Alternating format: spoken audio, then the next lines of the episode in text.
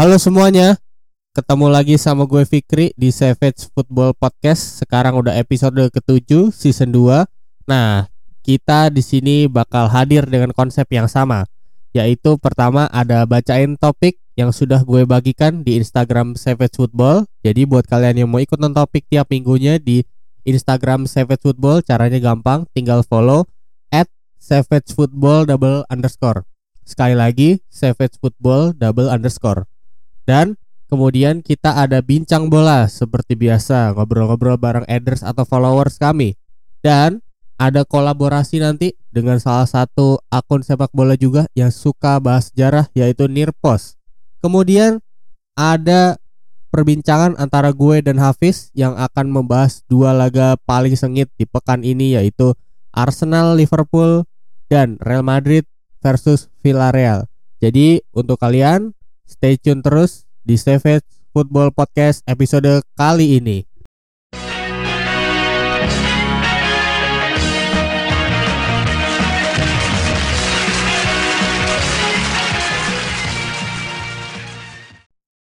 Tibalah kita di topik pertama yang gua, udah gue share di Instagram Savage Football yaitu liga mana yang pengen lo amati tapi belum sempat.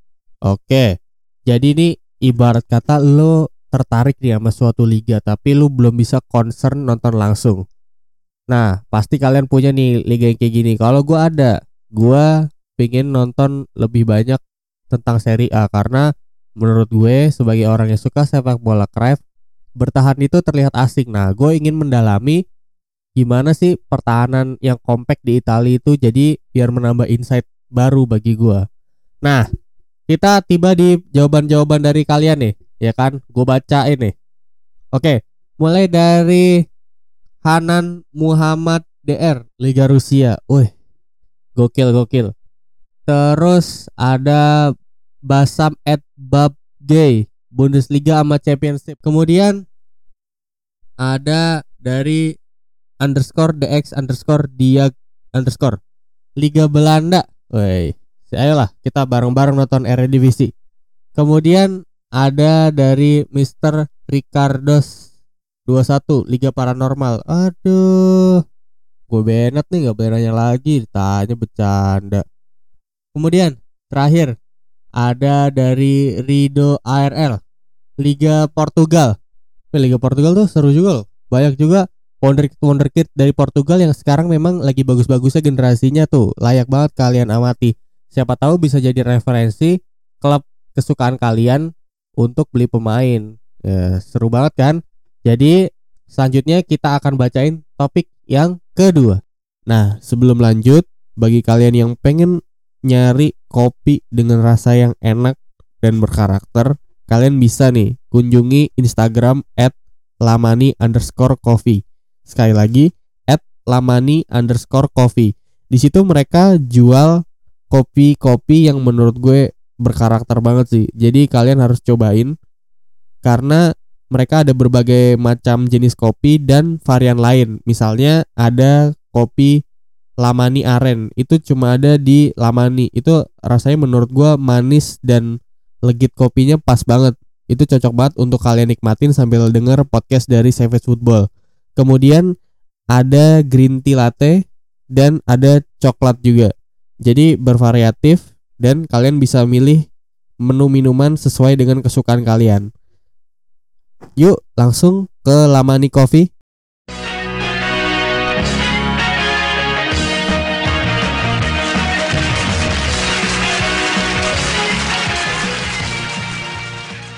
Oke, kita sampai di topik kedua yaitu tiga kata dari kalian untuk Barcelona saat ini. Oke, gue baca-baca ini ya kan dari bola Blancon. Messi, Messi, Messi. Iya sih, Barca terlalu Messi sentris sih. Udah dari ya bisa dibilang hampir satu dekade ini. Lanjut dari Adiaksa Mahardika. Sedih, kacau, gawat. Iya sih, ini udah mau menuju menuju AC Milan nih. Dari Juana Drew WP, manajemen yang amburadul. Iya, betul sekali betul. Saya sudah sering berulang kali bilang. Kemudian dari adenya underscore Ozil. jualan masker aja. Iya, Barcelona adalah salah satu klub yang kampanye masker ya di saat COVID-19 ini. Sebenarnya bagus, tapi mungkin ada motif lain di balik penjualan masker itu. Kemudian dari CZO Cera LSKIJ Sayonara La Liga. Ya, kebetulan banget Real Madrid udah juara La Liga. Selamat buat Real Madrid dan selamat untuk Barcelona karena kalian akan kesulitan apabila terus-terusan seperti ini. Oke, yang terakhir ada dari Mirza Fredianiza, Persatuan Pemain Tua. Betul sekali. Arthur yang masih muda ditukar oleh Miralem Pjanic. Pjanic memang bukan pemain jelek, Arthur pun bukan pemain jelek tapi kenapa umurnya yang ditukar tidak sesuai gitu? Ah jadi biarkanlah manajemen Barcelona dan para pemainnya saja yang tahu. Kita tinggal nonton aja dan liatin gimana Barcelona apakah mereka akan menuju zaman kehancuran atau bagaimana. Kita saksikan bareng-bareng sambil dengerin podcast dari Savage Football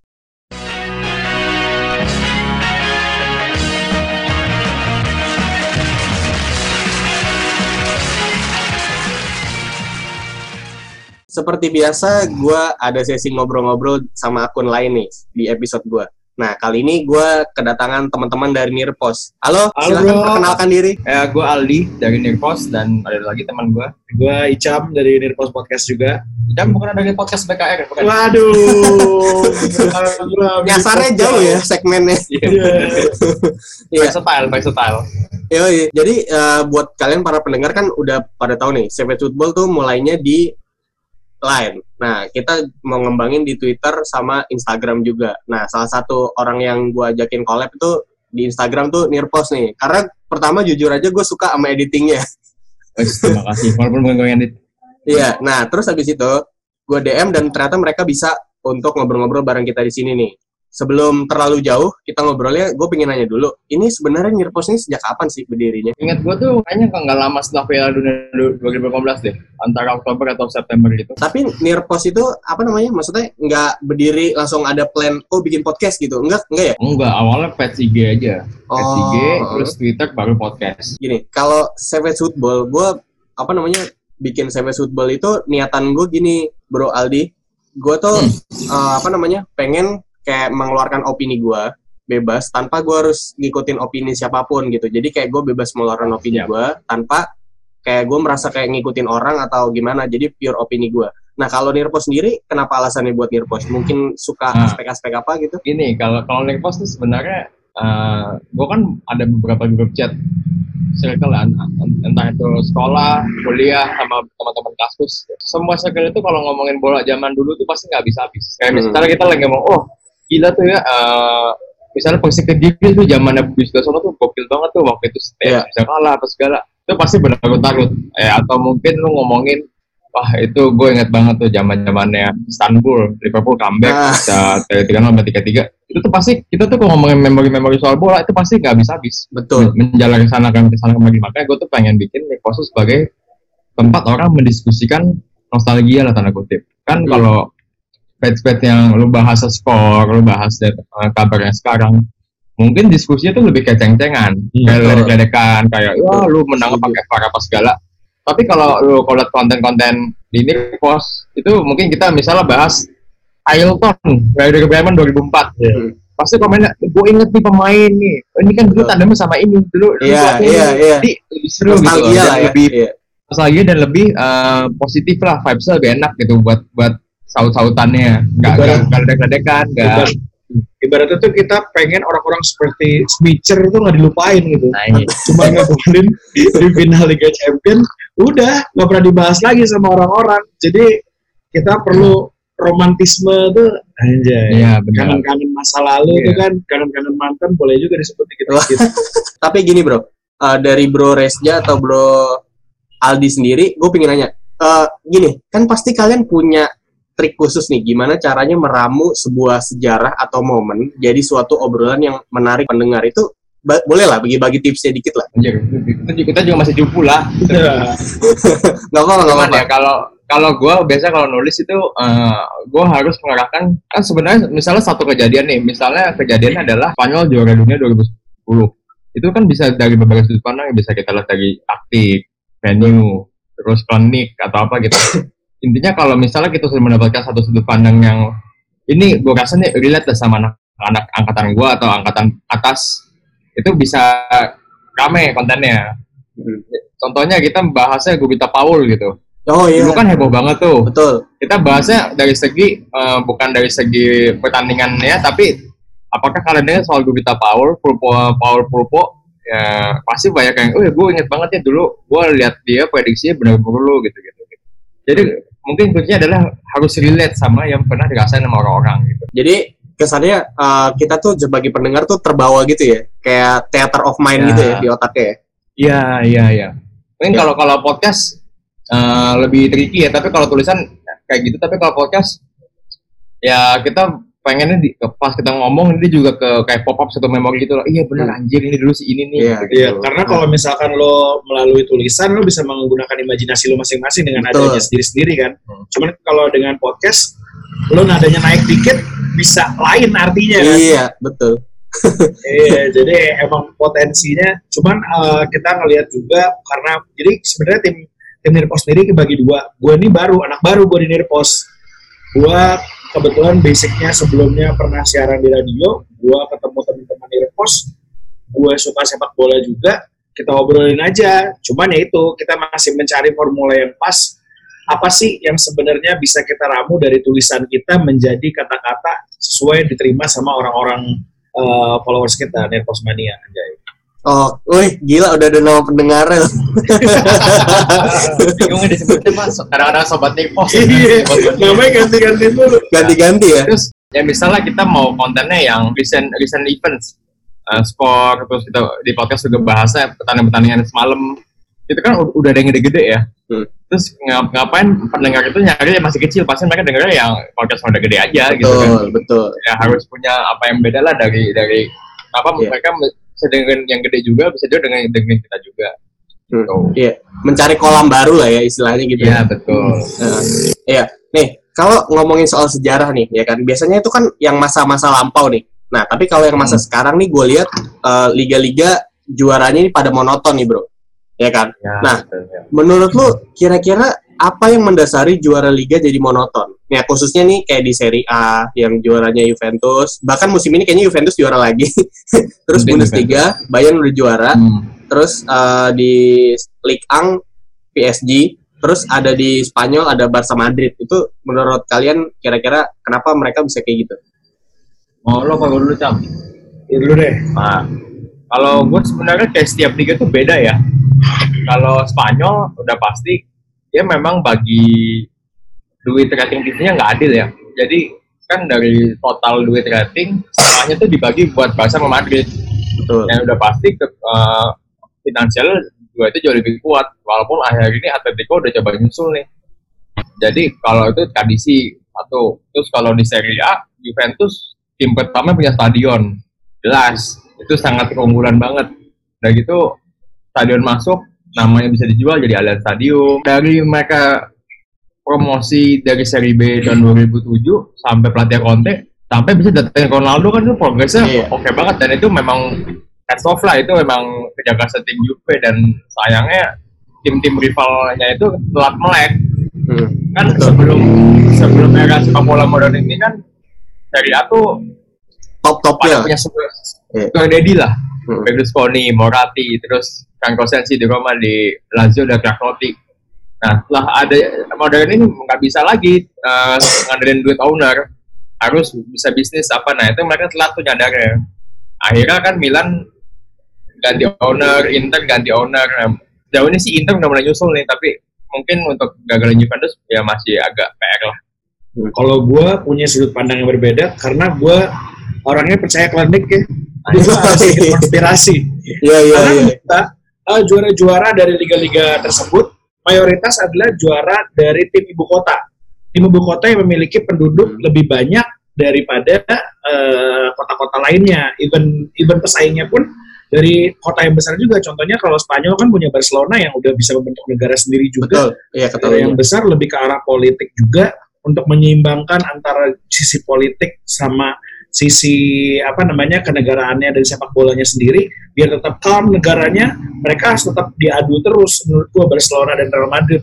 Seperti apa itu konsepnya uh, gue masih sebelumnya gue masih realistis lah. Emang nih tim-tim jago dengan uh, kekuatan finansial yang besar cuman setelah gue melihat VAR-nya Liga Inggris kayaknya emang konspirasi sih gue nggak tahu kenapa ada beberapa tim yang diuntungkan even Yeah. Itali, even Real Madrid yang sering dapat kotak apa penalti dan juga Juventus dalam kotak penalti kecuali Ajax ya kecuali di era divisi gue nggak tahu gue nggak terlalu memperhatikan tapi yang gue lihat eh, era divisi itu clash antar kotanya nggak terlalu besar karena mereka itu bukan tim untuk kompetisi eh, yang besar menurut gue mereka tidak mempersiapkan hal tersebut tapi yang mereka persiapkan adalah menjual pemain-pemain Betul. karena mereka nggak berharap dari uh, penjualan jersey, exposure pemain, tapi pemain-pemain muda kayak dari PSV, Feyenoord, Az AZ Alkmaar, uh, dan beberapa tim era divisi lainnya selalu punya pemain-pemain muda berbakat ataupun pemain dari luar negeri yang dimasukkan ke dalam akademi mereka menjadi lebih baik dijual lagi kekuatan finansial mereka bisa diadu lewat situ. Bahkan even even kalau kita masuk ke Portugal sendiri Portugal pun seperti itu sama. Portugal sama uh, Eredivisie menurut gua tipikalnya sama persis. Mereka tuh fokusnya bukan untuk menjadi juara di kancah Eropa menjadi lebih besar lagi karena mereka nggak pernah beli pemain yang uh, oke Yang oke benar-benar banget. top ya. Uh-uh, sehingga mereka fokusnya adalah menjual pemain. Jadi balik lagi ke bisnis sih kalau dari gua ya kenapa mereka bisa menjadi juara berturut-turut? Karena kalau misalkan kita turun uh, 10 sampai 20 tahun ke belakang mungkin kita masih bisa menikmati itu gonjang ganjingnya seru-serunya siapa yang berganti nomor satu dan nomor dua. Tapi udah 10 tahun terakhir kayaknya kurang menarik lagi sih itu itu aja nama-namanya. Di Mm-mm. Inggris Manchester City di Spanyol Madrid atau Barcelona dan juga di Liga Italia lebih boring lagi sih Tapi kalau menurut gue itu loh uh, uniknya kebalik. Kalau Inggris tuh sebelum 2010 atau sebelum ma- masuknya Abramovich ke Chelsea lah itu juga juara kan MU mulu kan MU Arsenal, Iya, iya. MU Arsenal. Dulu malah yang lain malah selang-seling tuh Spanyol ada Deportivo, Iya, Valencia. iya. Di Italia masih Betul. ada Lazio pernah juara, Roma pernah juara. Iya. Tapi yang nggak tahu mungkin memang eranya lah. Dan bagusnya sih investor baik masuk Inggris jadi pemerataan. Jadi memang tim besar nggak lebih Hmm.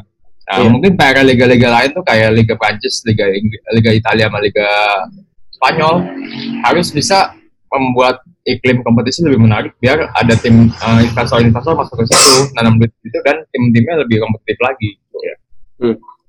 Iya.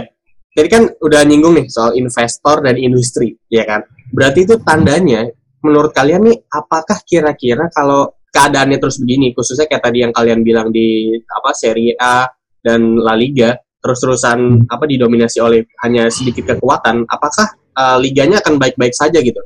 Maksudnya dari segi mungkin sponsor liganya atau apa keterkaitan apa penonton untuk menonton liganya gitu-gitu. Nah, justru kalau ini gue dulu ya. Iya. Ini kalau justru menurut gue ini cantiknya sepak bola tuh di sini. Iya. Nggak ada yang bisa ditentukan dari awal. Iya. Monaco bisa juara Liga Prancis. Ya. Mungkin musim ini Atalanta juara Liga Italia masih bisa loh. Beda 7 poin sama Juventus. Iya.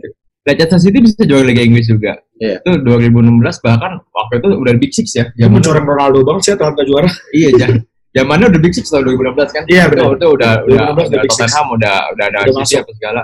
Ya mungkin di atas kertas berat lah buat tim-tim lain buat juara kalau nggak punya finansial tapi kan sepak bola kan belum ditentu- belum ditentukan sebelum peluit mulai kan Mm-mm. ada selalu ada kemungkinan lah buat kejutan walaupun lebih susah lah kalau sekarang Makanya formula bisnisnya menurut gua di setiap liga itu harus memiliki Leicester, harus memiliki Atlanta, tim-tim kuda hitam yang tidak bisa ditebak, tidak memiliki finansial yang kuat, tapi tiba-tiba ada di atas saja dan itu pun Iya. uh, kontroversi juga. Mas gua, Iya. apakah mereka diuntungkan dalam setiap kemenangan atau mereka benar-benar uh, meraih kemenangan tersebut kita nggak tahu juga.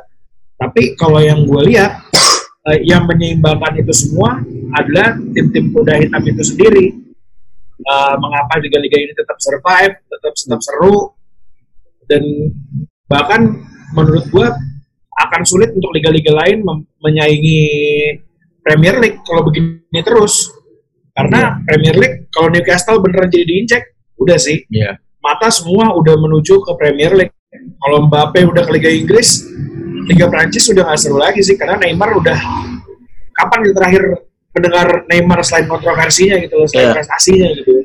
Jadi kayak gue menyayangkan sih kalau sampai ada yang pindah, gue lebih berharap tuh Monaco kembali gitu kan kayak Monaco tuh apa ya?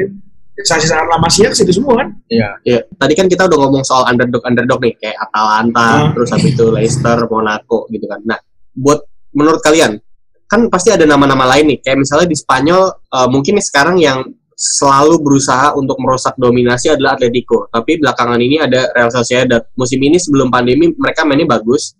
Kemudian setelah pandemi mungkin karena fisik atau dan lain sebagainya, mereka hasilnya kurang baik nih, meskipun permainannya tidak jauh berbeda menurut kalian kira-kira ada langkah khusus nggak yang di, harus mereka lakukan untuk merusak dominasi? Kalau yang kelihatan termudah ya tidak melepas pemain terbaiknya. Setuju. Cuman ya zaman sekarang gimana yang tahu sih. Kalau satu satu musim pemain pemain musuhnya 18 satu musim Iya, bagus udah ya. langsung dia langsung 50 juta, 60 juta, 70 juta. Iya. Gimana idealnya kalau misalnya pemain-pemain apa klub-klub non raksasa ini bisa ya lu tahan lah pemain lu satu dua musim, tiga musim bangun tim sampai solid ya pasti ada peluang. Kalau dari Bro Ilham, Kalau menurut gua itu lagi sih balik lagi kalau kita ngelihat dari siklusnya memang di setiap sejak adanya Leicester juara karena kan role modelnya mau nggak mau eh, di setiap liga itu adalah Inggris. Betul. Jadi formula ini akan diikuti oleh oleh beberapa liga lain menurut gua untuk membentuk tim-tim kuda hitam lainnya. Yang dulu kan sebenarnya harapan kita tuh ada di Malaga ya. Di Malaga Iya. itu pas di Liga Spanyol ngeliat wah ini seger nih Hmm. udah oke nih eh ternyata investmentnya nggak cocok Spanyol pun eh, devisi devisa negaranya pas gua negaranya lumayan gonjang ganjing karena masalah kemarin Brexit dan lain-lain ujung-ujungnya investmentnya nggak jalan pindah ke Prancis udah deh tapi gue menanti sih kayak sekarang Valencia sudah mulai membentuk pelan-pelan Eh, Villarreal juga udah mulai kembali ke formnya lagi jadi gue berharap sih adalah kuda hitam kuda hitam lainnya yang bisa bikin kita cuci mata aja gitu kayak Leicester dulu sebelum kita tahu siapa sih pemainnya yang oke even Kante pun Iya. nggak pernah tertarik juga kita untuk nonton Leicester tapi begitu kita Betul. lihat dia dipanggil ke timnas dan menjadi eh, salah satu pemain role yang paling penting untuk mereka menjuarai Piala Dunia menurut gua ini penting juga buat eh, akademi-akademi sepak bola pemain-pemain muda untuk motivasi tim-tim kuda besar jadi lo nggak harus masuk ke tim besar kok untuk menjadi pemain terbaik dunia lo bisa masuk ke tim-tim underdog seperti ini gitu Gila. Gimana? Para pendengar sudah mendapat insight-insight baru kan dari teman-teman yang di, dari Nearpos ini? Anjir, kita soto doang, doang. Gak apa-apa, gak apa-apa. Kita kita juga Sama-sama. masih baru mulai-mulai aja. Iya. Jadi terima kasih Bro Aldi dan Bro Ilham sudah mau ngobrol-ngobrol sama gua. Ditunggu lagi Ya. podcast-podcastnya. Buat Thank you pendengar. Savage Football, denger juga ya Nearpos Podcast. Mereka lebih concern bahas sejarah. Oke, terima kasih ya Bro. ya thank you bro Nah, gue mau ngasih tahu nih. Jadi, Lamani Coffee itu ada di Jalan Dr. Sumarno, Cakung, Jakarta Timur. Jadi buat kalian yang berada di sekitar situ, di sekitaran Jakarta Timur atau Jakarta, bisa banget mesen ke Lamani Coffee kalau kalian mau nyari kopi yang enak dan rasanya berkarakter. Karena harganya pun relatif murah nih. Bisa gue bilang es kopi Lamani Aren aja cuma 15.000 Terus ada green tea latte cuma 20.000 Jadi pas banget di kantong para pelajar dan kalian semua yang pengen ngopi dengan harga murah. Jadi tunggu apa lagi langsung ke Lamani Coffee ya.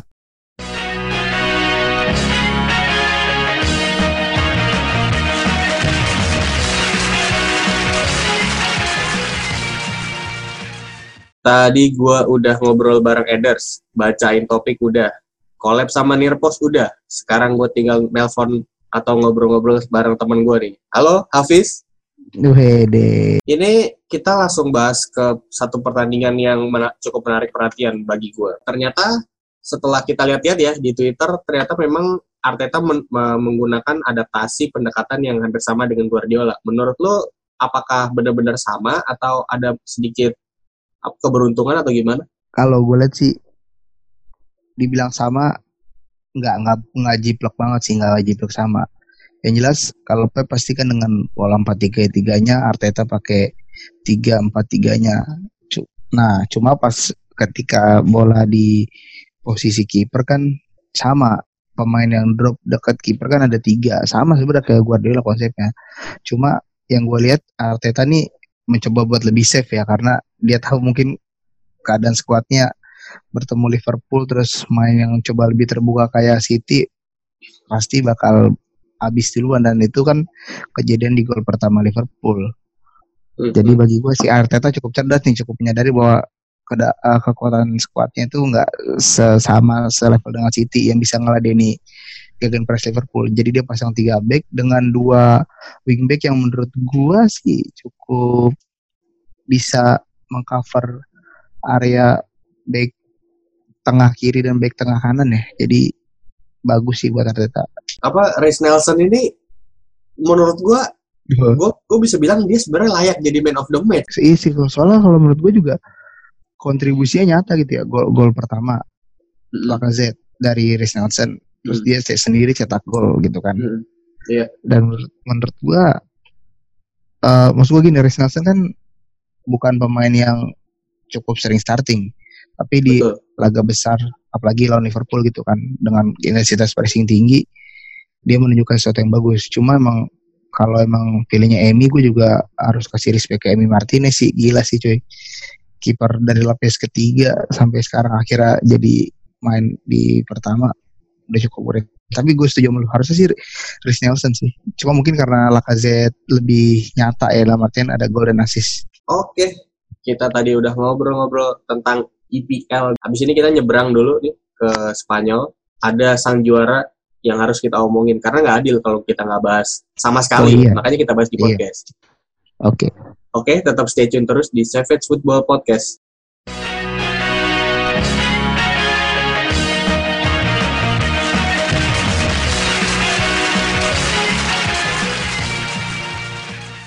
Lanjut, masih bersama gue Fikri dan Hafiz. Kita akan ngomongin soal juara La Liga musim ini yaitu Real Madrid. Wih, Menurut lo, apakah Zidane bisa gini terus? tergantung bagi gua di sini berarti Zidane harus ngasah kualitas dia kemampuan dia buat cari pemain yang sesuai dengan skema dia nah pastikan generasi Ramos Kroos Modric Benzema bakal habis tinggal kita lihat siapa yang bisa gantiin peran-peran kunci itu ya karena gua rasa sih Ramos Varane Marcelo Mod Modric Kroos sama Benzema ma- masih jadi pemain kunci sama Carvajal.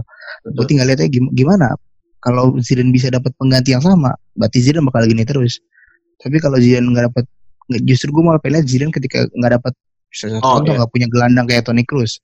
Bisa nggak dia main dengan tanpa Toni Kroos gitu itu sih tapi kalau Zidane ternyata dapat ya berarti dia pasti bakal gini-gini terus karena emang nyatanya sejauh ini apa yang dilakukan membuahkan trofi sih Mereka akan mengincar Champions League. Apakah mungkin Champions League musim ini? agak naif kalau gue bilang nggak mungkin karena peluang itu masih ada cuma lawannya City masalahnya dan keadaannya City unggul di posisi kandang Madrid dan City pun Mau tidak Ya. mau ya? Hmm, mau tidak mau hanya ini kan yang bisa menyelamatkan muka City di musim ini istilahnya. Selain FA Cup ya. Iya. bagi gue FA, FA Cup gak usah dihitung oleh City Hmm. lawan sama City tim Inggris juga. Nah ini kan menghadap berhadapan langsung sama Real Madrid gitu kan. Hmm. si rajanya Liga Champions. Jadi menurut gue sih Madrid punya peluang punya cuma akan sulit banget untuk bisa ngalahin City ya. Gitu bagus enggak cuma sulit kalah. Bener Iya sulit sih? kalah. Itu sulit kalah itu iya, kata yang iya. tepat sih. Oke, mungkin itu aja bahasan gua dan Hafiz Asik. di episode kali ini. Selalu dengerin Savage Football Podcast. Setiap hari Senin ada Karbo Lantai. Setiap hari Rabu ada Atlas. Asik. Sampai jumpa di episode-episode lainnya. Dadah. Ah, jadi gua abis minum lama nih kopi sambil dengerin podcast Savage Football nih. Kira-kira ada yang mesti gua ubah atau enggak ya? Ada yang perlu gue perbaiki lagi atau enggak ya pendapat-pendapat gua. Nah, buat kalian yang pengen ada temen pas dengerin podcast atau lagi di jalan atau mungkin kalian mau ketemu pacar kalian butuh bawain kopi yang enak biar mood dia seneng pas ketemu kalian bisa banget tinggal ke Instagram at lamani underscore coffee Sekali lagi, lamani underscore coffee. Oke, gue tunggu ya kalian ngopi bareng